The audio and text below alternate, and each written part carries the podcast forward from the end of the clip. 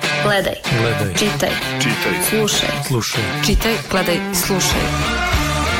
Danas. Danas podcast. Dobrodošli u novu epizodu danas ovog podcasta. Ja sam Vojislav Stojsavljević i meni je pripala ta čast da otvorim, evo imamo sad prvi put uh, video format našeg podcasta i od sada pa nadalje možete nas gledati svake nedelje na našem YouTube kanalu. Za one koji vole više audio format i dalje nas možete slušati na sajtu podcast.rs kao i na drugim platformama, ali više o tome možete saznati i na našem sajtu. E, Tema današnje emisije jesu izbori koji nas očekuju u aprilu 2022. godine. Demostat izbacio zanimljivo istraživanje, odnosno anketu sa građanima Beograda, e, o, u kojem smo saznali otprilike okvirnu, okviran rating opozicijonih, ali i vladajućih e, stranaka, ali i mnoge druge zanimljive stvari o kojima ćemo danas razgovarati. Moji gosti su politikolog Boban Stojanović i vanredni profesor na Fakultetu političkih nauka Dušan Spasović. E, Pre svega, dobrodošli i hvala vam što ste moji prvi gosti u ovom formatu. E, U istraživanju Demostata učestvovalo je 1200 građana iz Beograda i ono što je meni privuklo najviše pažnje jeste to da po tom istraživanju postoji mogućnost da opozicija odnese pobedu u Beogradu, ali pod uslovom kada bi se sabrali rejtinzi svih opozicijnih stranaka, odnosno koalicija. E sad da vas pitam koliko je vama to verovatno i recimo čak i da se oni svi udruže, da li bi ti rejtinzi ostali nepromijenjeni? Dušane, izvoli, stariji kolega. A me- meni daješ ova teška pitanja. Um, pa, ajde ovako, znači, načelno gledano, iz daljine slika relativno jasna. Opozicija na beogradskim izborima ima najveću šansu u odnosu na preostala dva izborna ciklusa, predsjednički i parlamentarni.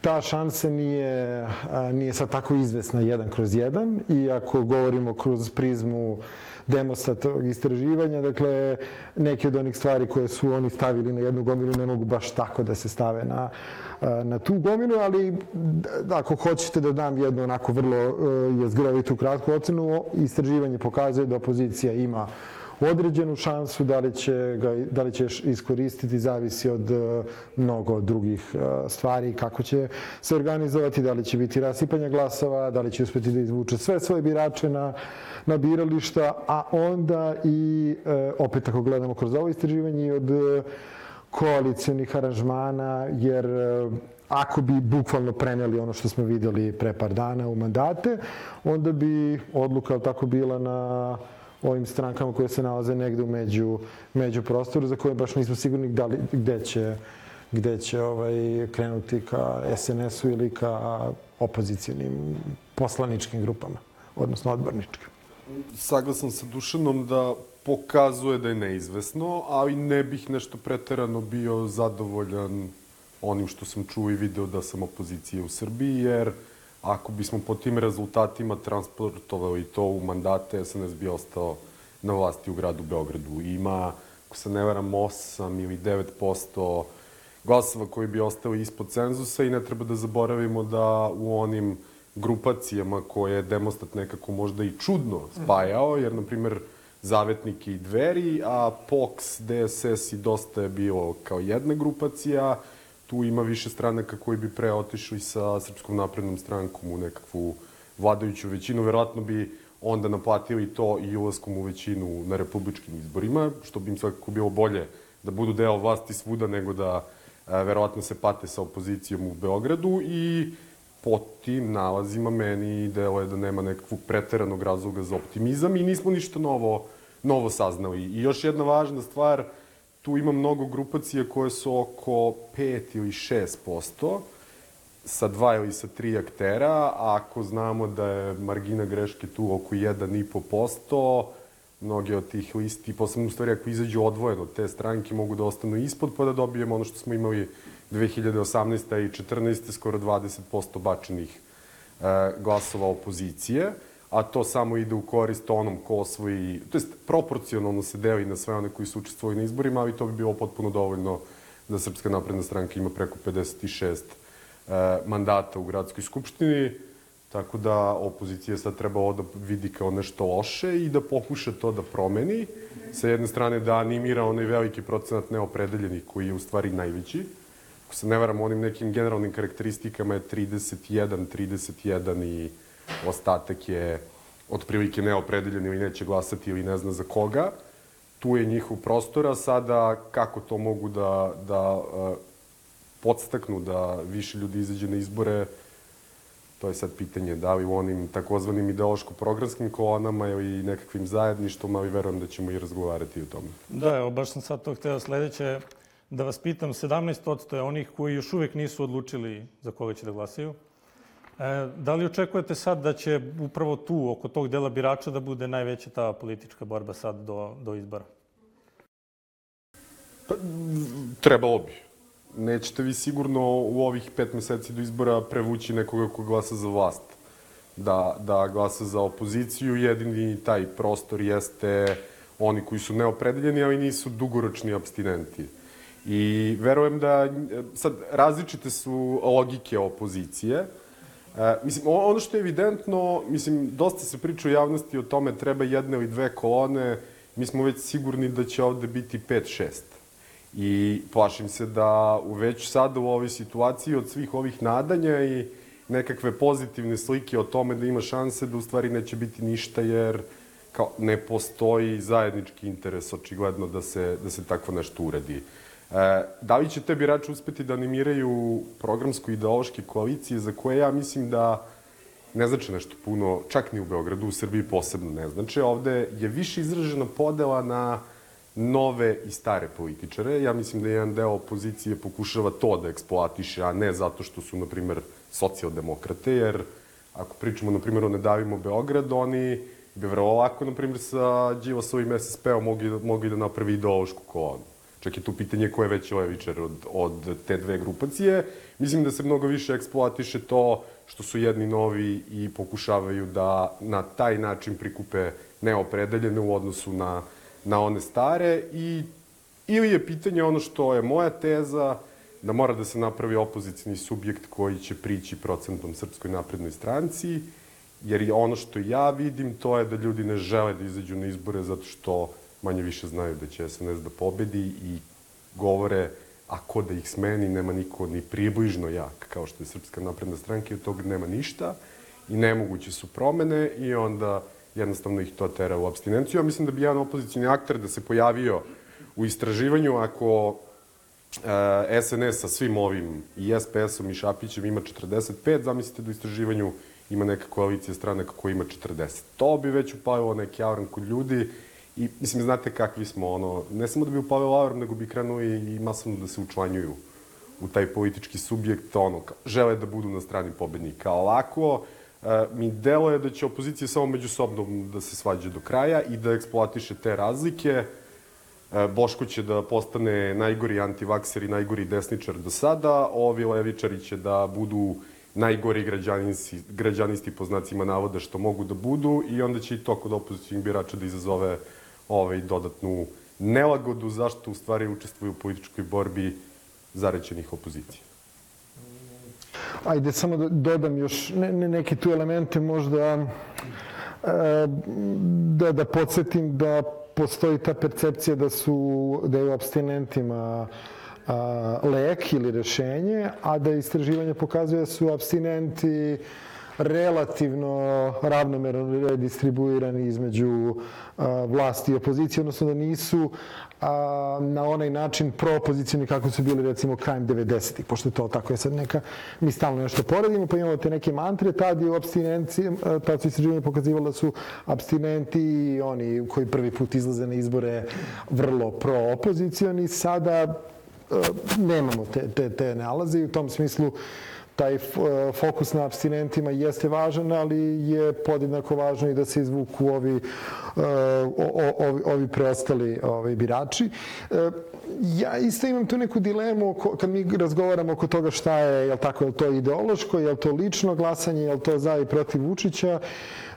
I čini mi se da su to isto neke dileme koje, koje su kao malo veštačke ili analitičke ili laboratorijske. Mi u, u lidere učitavamo ne samo kao nisu nam oni zanimljivi zato što su sad ne znam je ovaj je lep, ovaj je harizmatičan, ovaj je ovakav onakav, nego mi iz njih iščitavamo njihove i njihove neke vrednosti za, za, za koje, ovaj, a, a, koje zastupaju, a te vrednosti jesu neke makar blagi, ali neki ideološki konstrukcije.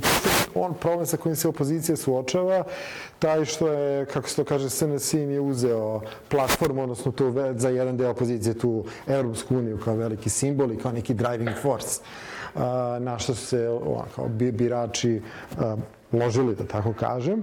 I sad je ova opozicija kao u tom problemu šta su im stajne tačke. Znači, to što je Boba rekao, da tako imamo e, s jedne strane ne dajmo Beograd koji širi to krilo ka, ka levici, s druge strane dosta je bilo ili, ili e, dveri koje su s, s desne i onda to e, e, dodatno otežava, otežava problem.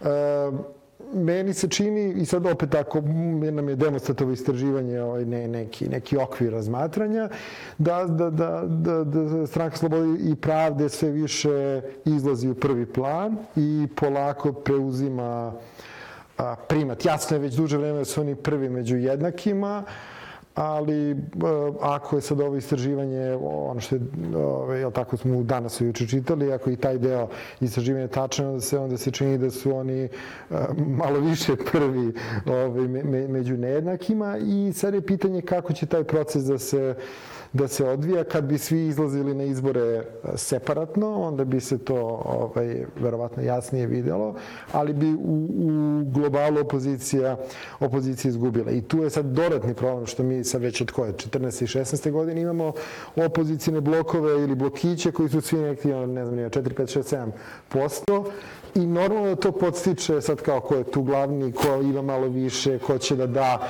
ton opoziciji ili ko će da, da, da tu e, pogura priču. I moguće je da će to na ovim izborima donekle da, da se razreši, naročito iako uh,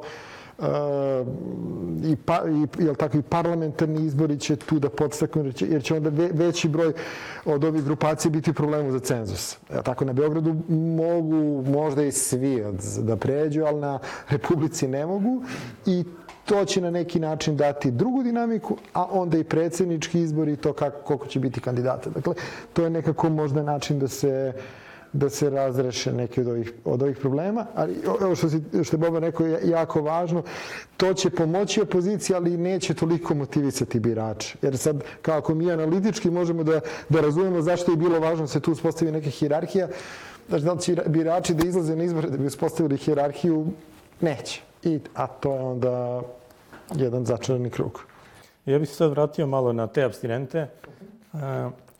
to što si rekao, oni jesu možda podeljeni, deo njih je možda i čak pola za, za vlast, pola za opoziciju kada bi izašli recimo svi na izbore, ali na koji način opozicija da izvuče taj svoj deo, recimo taj deo koji bi glasao za, za njih, ti si, Bobane, sad rekao da da ideali više tu nisu toliko, ideologija nije više toliko bitna, da su bitna, ne znam, nova lica, ali šta je još to što bi opozicija mogla da ponudi i da ih izvuče na izbore? Ti dobio pitanje, tako da... Pa pitanje zapravo za obojicu, ali eto, pozvao sam se na to što se ti... Ja mislim da e, ljudi glasaju, za, pre svega glasaju za pojedinci i za ličnosti za koje veruju da mogu da im donesu nekakav bolji život.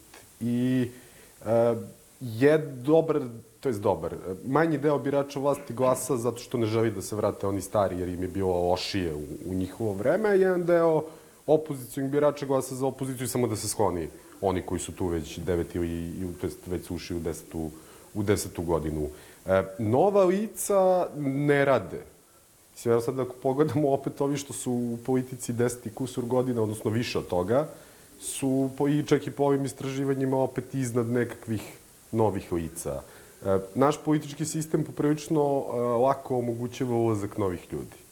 Treba da, evo, Dušan i ja skupimo još treću osobu, registrujemo udruženje građana, proglasimo se pokretom imaćemo, na primjer, istu medijsku vidljivost kao što imaju svi drugi opozicijni akteri. Ja sam skoro pokušao da izračunam, u Srbiji trenutno ima oko 28-29 nekakvih opozicijonih stranaka i strančica. I svi oni veruju da su mnogo važni, da su mnogo bitni, E, neki od njih, na primjer, ćute poslednjih e, dva, tri dana od kada je izašlo ovo demonstratovo istraživanje. Ne znam kako nisu shvatili da moraju da se grupišu. Kako ih izbori, na primjer, 2020. nisu naučili. Spušten im je cenzus, nema glavne opozicije na izborima, svi su išli samostalno. Znači, nova stranka i dosta je bilo i POX, POX i DSS, evo, na primjer, čak i ti relativno pro-vladine, više orijentisani ka strankama vladajuće većine, oni su nešto naučili pa su odmah posle toga se grupisali, a opozicija i dalje pati od tih malih bolesti. I sad e, imamo nekoliko pristupa u, u opoziciji. Meni deluje da, na primjer, SSP i Demokratska stranka žele jednu istu u Beogradu, međutim više na parlamentarnim izborima. Ja stvarno ne znam kako to može da izgleda. Znači, kako vi da komunicirate sa biračem da on tamo glasa za nas, zato što smo socijaldemokrate, vamo glasa i za sve ovde i u redu i Boško, ili onda imate pristup ne davimo Beograd, ne, ne, isključivo programski ideološke, ideološke teme, a opet mi deluje da svi međusobno imaju personalne probleme. I praktično samo je Narodna stranka je trenutno na liniji svuda jedna lista, jedan kandidat. I, na primer, eh, SSP prihvatio je pokret slobodnih građana, međutim neće prihvati socijaldemokratsku stranku i novu stranku. I sad, to je vrlo vjerojatno zbog ličnih odnosa. I što, ne, a opet taj, ta nova i ta SDS će osvojiti 10-15 hiljada glasova koji mogu biti presudni. I ima, ima tu kao milion stvari, opet ne davimo Beograd je za različite kolone, pritom ne znamo da li izlaze na parlamentarne izbore, e, ali su za jednog predsjedničkog kandidata. Mislim, taj jedan predsjednički kandidat će ipak da bude na strani nekoga ako budu različito, različito opredeljeni, neko će tu da se osjeća zanemarenim, neko će da kaže taj predsjednički kandidat ili kandidatkinje rade u vaš interes i opet će da uđe u tu spiralu, spiralu svađa. I moja kao glavna teza zašto sam za nekakvu vrstu ukrupnjavanja, to je onaj osjećaj da može da se pobedi. Imamo nekog velikog koji je konačno prišao SNS-u. Sa druge strane, onaj tehnički deo da ne bude bačeni glasova. I treći deo, drugačija opozicija neće prestati međusobno da se svađa. Znači, Boško Obradović je bio u Savezu za Srbiju godinama i e, na neki način je bio ukaupljen u neki opšti obrazac. Ok, imao je neke ispade, ali nije podržavao antivaksere dok je bio u Savezu za Srbiju. Čim je izašao, i pritom ja verujem da su njega odstranili, i on je počeo, opet se vraćam na nas početka, da eksploatiše te razlike. Ne dajmo Beograd sad da eksploatiše neke druge razlike u odnosu na ove, da su svi u jednoj, jednoj priči i kao shvatili su da je dogorelo da mora da se na neke stvari proguta knedlo i da se prihvati ideološki protivnik, ali suštinski ste na istom zadatku, da se tada u stvari zaustavlja. Ja koliko sam razumeo iz Nedajma Beograd su zapravo najviše protiv toga, jer oni smatraju da nekako ne možeš da prodaš biračima to da je dveri i Nedajma Beograd idu na isto. I... Evo, evo, evo, ja sad zamišljam hipotetički da rezultati beogradskih izbora budu kao što je demostat objavio i da ne bude rasuti glasova. To bi podrazumevalo da se mora u koaliciju, da ne dajemo Beograd mora u koaliciju i sa dverima i sa zavetnicima i sa dosta je bilo, ali i da ti, znači i da dosta je bilo, mora u koaliciju sa Ne davimo Beograd. Ja mislim da bi bilo pošteno da stranke već sada kažu da ako to bude većina, neće biti, mi prosto nećemo da sarađujemo sa njima, da bi onda birači znali šta mogu da očekuju. I ja se u stvari možda najviše plašim takvog ishoda, gde bi eventualno neka većina bila formirana, a da, a da se ne bi dogovorila i da bi kao bilo ono, džabe ste krečili. Crnogorski scenarij 2016 ili, ili, ili tako nekada. Da, donekle, da. E, ja sam zaboravio što je bilo pitanje, ali ovaj, e, da, mislim, o, opet, opet je ovo primer kako se konstantno krećemo između nekih e, stvari koje su e, uslovno rečeno nametnute u analizi. Kao, šta, šta znači to nova lica? Mi smo imali uh, sad otvaranje partijske scene u poslednjih 7-8 godina gde su mnogi novi ljudi tu ušli, ali čini se da nisu uspeli. I sad tako to što je neko novo lice uh, i takođe i znači da, da nema ni, ni, ni, ni znanja, ni iskustva, jer prosto u politici gde, no, kao novi ljudi se ne pojavljaju tek tako. I uh, što to je... Samo da te prekinem, novo lice ne mora da bude neko ko nije bio uopšte u javnom životu može da bude neko kao Saša Janković koji se pojavio sa pozicije. Jeste, i to je to što, što, što je Boban rekao. Dakle, neko ko ima neku vrstu uh, pedigreja u javnom prostoru ima ima prednost, jel tako, nije, nije isto, ali smo i kod Saše Jankovića videli šta znači uh, politički background i iskustvo u kampanji koje on nije imao. I on je naprosto tu krenuo da, da, da, da, da, da, da kašljuca i nije uspeo da, da izdrži, izdrži tu ovaj, priču do kraja. Ali, mislim, ključna stvar je da oni, ključna stvar je da od opozicije konačno vidimo neku vrstu plana. Da vidimo neku vrstu strategije, neku vrstu ideje kako preživeti narednih šest meseci i kako izaći iz tog procesa.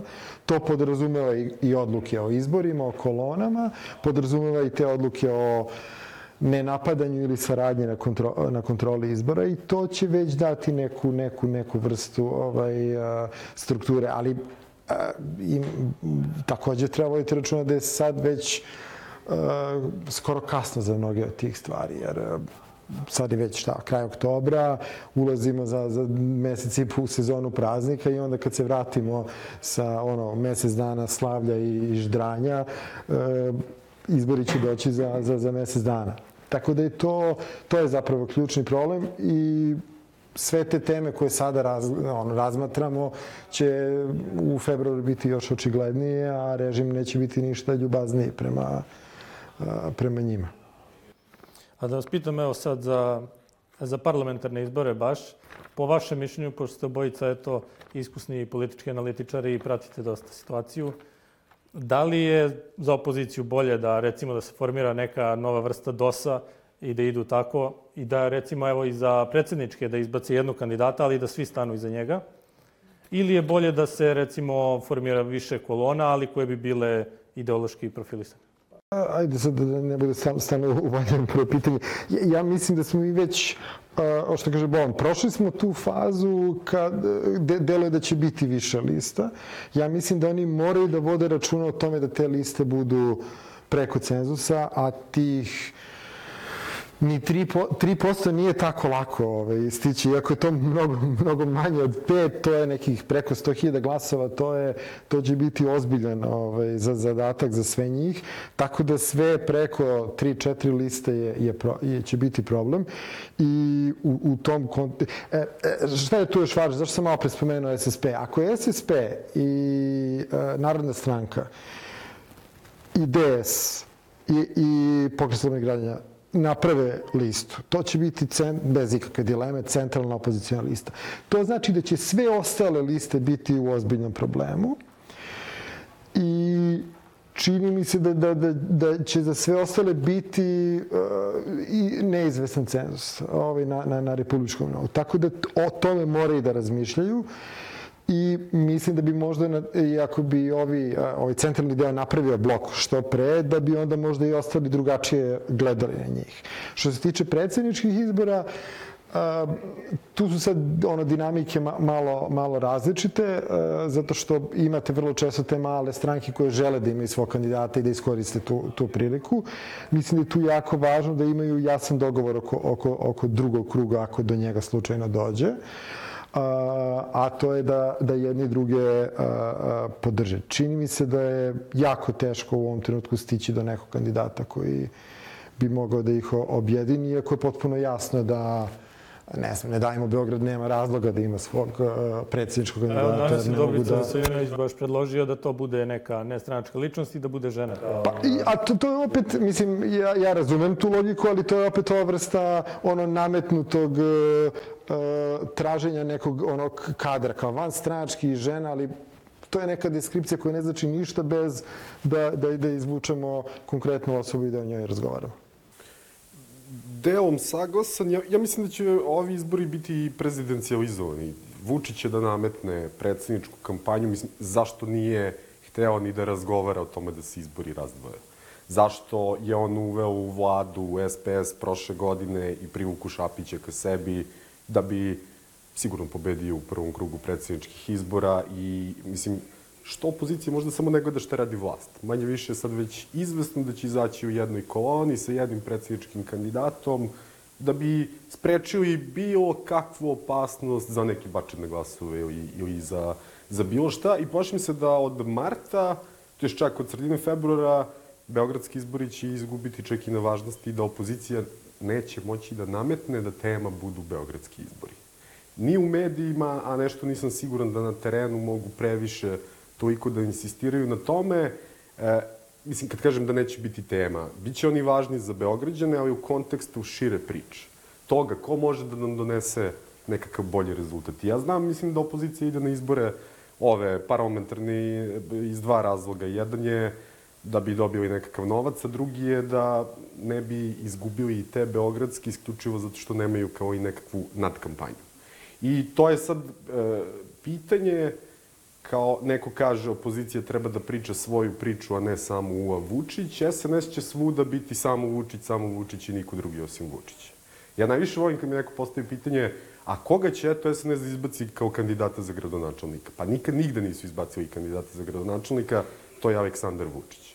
I sada u takvoj kampanji oreola nepogrešivosti jednog čoveka, vi treba da vodite ideološko-programske kampanje različitih nivoa, bez jedinstvenog predsedničkog kandidata, na nerealno mi izgleda, i ako nađete tog jednog predsedničkog kandidata, on će sigurno biti onda predstavnik ove najveće grupacije, a kako onda ove druge liste na parlamentarnim i beogradskim izborima da dođu do izražaja i da pokažu da su na neki način bolji i da za njih treba, treba glasiti na izborima. I par e, teza iz Crne Gore. Često se govori, evo vidite, oni su izašli u tri kolone i zato su pobedili. E, opozicija u Crnoj Gori je imala listu koja je bila blizu DPS-u. 3% je bila razlika između DPS-a i liste Zdravka Krivokapića. Godinama unazad je ta razlika bila mnogo drugačija. Niko od opozicije nije ostao ispod cenzusa. I ne do Bog, na primjer, da se desilo da je URA ostala ispod cenzusa, sve bi propalo. Tako da, nije samo point u Crnoj Gori tri liste, pa ajmo sad mi to da iskopiramo, nego malo i da pogledamo širi kontekst zašto je to bilo tako i zašto su ljudi tamo poverovali da je promena moguća. E, zato je, mislim, na kraju i došao jer je animirala neke ljude, naravno, u sav onaj kontekst pre toga, litije i svega što je bilo. Evo, u istraživanju imamo zanimljiv podatak da čak 37% građana e, smatra da opozicija nije sposobna da iskontroliše taj izborni proces. E sad, po vašem mišljenju, šta bi opozicija trebalo da, da uradi drugačije u odnosu na, ne baš sad na ove poslednje izbore, jer smo imali bojkota, ali na izbore pre toga, e, baš prilikom kontrole tog izbornog procesa? treba da ima ljude spremne da se pobiju na licu mesta, ali bukvalno da se pobiju, jer, uh, mislim, meni je neko rekao da sam uh, prizivao građanski rat u, u nedelju, kada sam rekao da ako vlast ima 200 crnokošuljaša, da opozicija mora ima 400 ljudi koji će da zaštiti ljude od tih 200, 200 nasilnika, ali to su vam izbori u Srbiji. Mislim, izbori koji nisu izbori u kojima uh, jedna strana ima neverovatno mnogo više resursa, medijske propagande i ne preza da uradi bilo šta. Između ostalog da pošalje tada aktualnu državnu sekretarku koja, kao što vidimo iz njihovih medija, iz izjava njihovih političara, je u stvari vodila jedan kriminalni klan da obezbedi da vlast uh, ubedljivo pobedi na lokalnim izborima u Lučanima. Tako da o takvim mi izbornim okolnostima pričamo. Opozicija ne može da pokrije Srbiju nikako nema jednostavno ljude, zato što su ljudi u manjim mestima upošeni. Čak i oni koji su protiv vlasti nemaju hrabrosti da se javno e, deklarišu kao takvi, a tek nemaju hrabrosti da uđu u neku opozicijom političku stranku i da tamo se kao suprostave tim lokalnim ljudima koji će im zagorčati život ako, ako to urade. A u Beogradu mislim da imaju dovoljan broj ljudi spremnih da brani taj rezultat, posebno u ovih 10 centralnih opština. Nisam siguran koliko mogu da pokriju prigradska naselja, ali ne dobijaju se izbori ni u tim prigradskim naseljima. Izbori se dobijaju na, na Palilovu Zemunu i Voždovcu kao mešovitim i najmnogoljudnijim opštinama uz, uz Novi Beograd i tu moraju sve da zaštite, naravno da pokušaju i ova manja mesta, ali verujem da tu mogu prosto da osiguraju ljude koji neće za nekoliko hiljada dinara i za nekoliko stotina eura prodati, prodati svoj integritet na biračkom mestu. Pa da, to, to, to je u suštini to. Mora se napraviti tu već može da se prepisuje e, model iz 90-ih, odnosno iz 2000-te. Dakle, mreža posmatrača, posmatrača koji su, odnosno članova biračkih odbora koji su spremni za koji su obučeni, koji su spremni za razne cake, dovijanja i ostalo i koji su spremni da, da kažu ne može. i da to ne može, mora da se brani sa deset ljudi u prostoriji koji viču na tebe i koji su koji vrše razne vrste agresija i to je to. A mislim, to je e, da, da delimično ono, pro, promenim ugao. To, to, to su čitav niz ovih raznih stvari koje vidimo po Srbiji, koje prolaze zato što na njih niko, niko ne reaguje. Od uh, mog trenutno omiljenog primjera zatvaranja kafića u Užicu do, do slanja uh, dve ministarke u Savjet fakulteta političkih nauka. Dakle, mi smo naprosto a, kao društvo oguglali na razne ono, čvrge, šamare, pa ne znam nije, do, do raznih ozbiljnih udara koji se dešavaju i, i, i prosto spuštamo taj nivo a, dopuštenog. E, u tom smislu pozicija uloga opozicije ili uloga civilnog društva jeste da, da se na neki način za neke stvari usprotivi i sad treba tražiti primere koji su takvi da je najlakše se usprotiviti, ali, ali taj trend na neki način mora da se, da se promeni. Sad mi možemo da gledamo šta, šta smo do sada to, to, to videli pa je do nekle radilo, ali e, to je jedini način. Dakle, prosto mislim, i kad govorim iz perspektive sebe kao birača, ja moram da vidim da je nekome stalo da zasluži moj glas nekoga ko će da uradi nešto, koje će da izađe, što bi se sad reklo, iz zone komfora, ali prosto da nešto, nešto malo žrtvoje. Dakle, mi smo, ne znam, 2000. godine imali klince koji su hapšeni i privođeni da su nosili majicu otpora.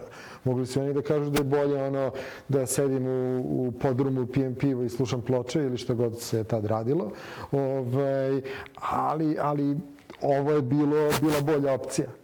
E onda, onda to mora da se de, dešava svakodnevno da bi se kreirala neka, neko raspoloženje, neki, optimizam, ne, ne, ne, ne. Mislim, meni je, ja, ja i dalje ne mogu da verujem ovde da građevinski fakultet ovaj, ustao i, i reagovao na takav način. Mislim, akademska zajednica koja je inertna, koja je uljuljkana. Oni su ljudi ustali i rekli ovo sa metrom ne valja, mi ćemo da izađemo. Znači, to je, to je mislim, fenomenalan događaj. I umesto da imamo pola univerziteta koji su došli tamo da im pruže podršku ili ne, nešto da se izgradi oko te priče, kao mi stojimo sa strane i gledamo. A to je neve, mislim, ja ne mogu da vam, da vam opišem koliko je to uh, gest i pritom ja dolazim s fakulteta koji je ono kao svi su uključeni u politiku, imamo taj imidž nekog ne, ne opozicija, ali nešto kao fakultet koji nešto demokratsko, hvala ti, nešto misli o nečemu i nije im problem da kažu to. E, ovo je stvarno gest.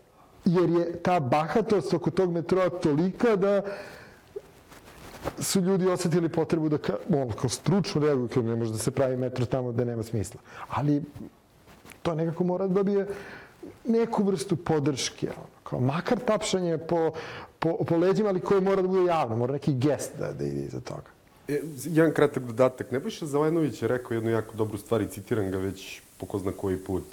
Ljudi će se usprotiviti kad vide da je promena tu, da je moguće.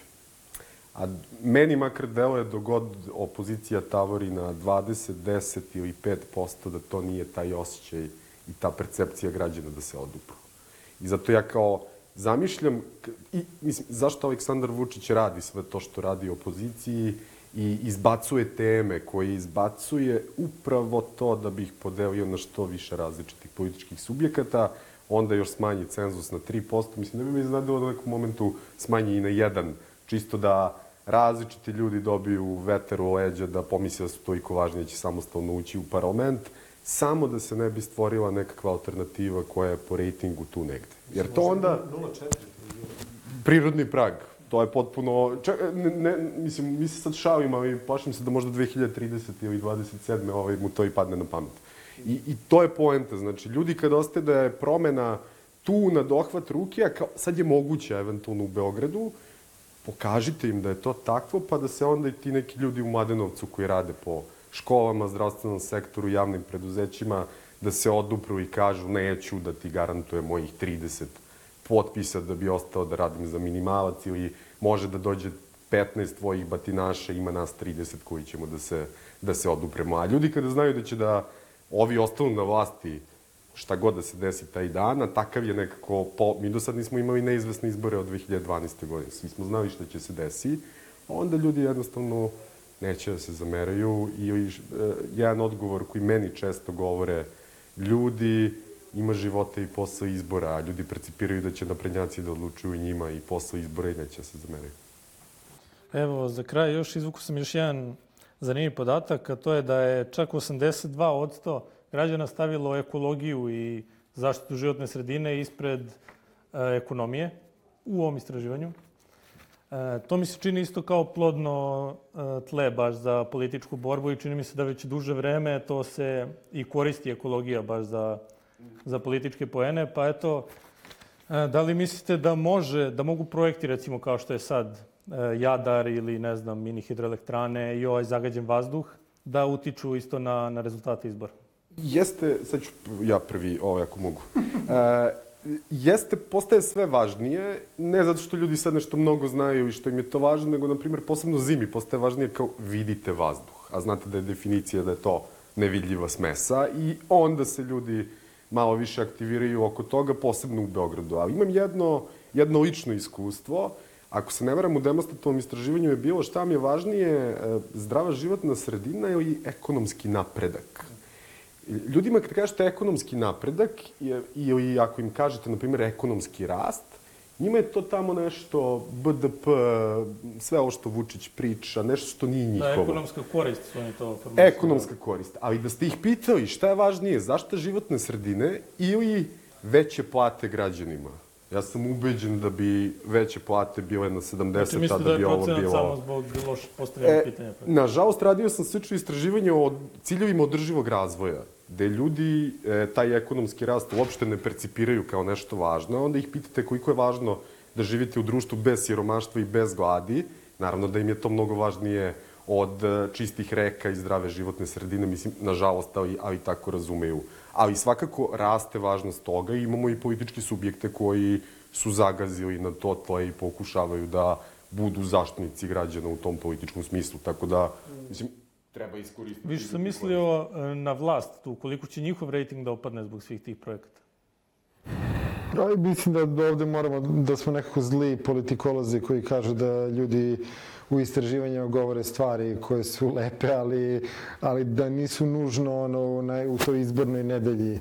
Mislim, to je problem sa izborima, zato što ti kao skupiš četiri godine nečega i onda dođeš tamo, uzmeš jedan listić i treba da zaokružiš jedan broj od od, ne znam, pet ili deset ponuđenih i, uh, da, ili koliko god. I tu je, tu je sad ovo veliki problem. Dakle, sigurno je da će ekologija igrati neku ulogu, da će otvoriti neki prostor, da sad u istraživanjima, ne znam, u prethodnom demonstratovom je bilo, mislim, 3 ili 4% koji su rekli glasat ćemo za neku ekološku uh, priču ili kako god je bilo ponuđeno ili, ili odgovor, ali sve dok to ne izgura preko nekog nivoa, neće uticati uticati, neće, neće uticati ovaj, uh, značajniji. To je, nažalost, ovaj, malo i, i do prirode, o, tako, mi smo i dalje siromašno društvo u kojem ljudi brine za plate, a sve dok su nam plate ono, neizvesne, ekologija ne može da bude ključna tema, može možda da bude važna tema, Uh, i što je, ono, kao nažalost, gora situacija, to, to će rasti značaj te teme, samo je opet pitanje kao kad su izbori na proleće i kad završimo sa grejnom sezonom i zaboravimo mi kakve su to bile muke i onda je to ovaj, uh, jedan od problema u nizu. Kao što smo zaboravili, uh, mislim, sećate se kako izgledala taj, taj, taj prvi talas pandemije, pa su ljudi mislili, aha, vlast će platiti za ovo cenu, pa nije, nije se desilo skoro nigde nigde, nigde u svetu. Tako da ovaj, sve dok ostane ta mantra o razvoju, o stabilnosti, a ona će biti vodeća ideja SNS-a, mislim da ekologija ne može da, da ozbiljnije tu sad uh, utiče. Možda na nekom mikroplanu sad, uh, ne znam, srednja Dobrinja ili, ili tako nešto, ali i, i te priče moraju da se artikulišu, da se, da, da, da, da, da se izguraju i to ćemo vidjeti kako će SNS to zna i oni će to pokušavati da pacifikuju te male, male pobune gde god mogu. U redu, tu ćemo završiti. Hvala vam što ste bili moji gosti danas. Gledaj. Gledaj. Čitaj. Čitaj. Slušaj. Slušaj. Čitaj, gledaj, slušaj. Danas. Danas podcast.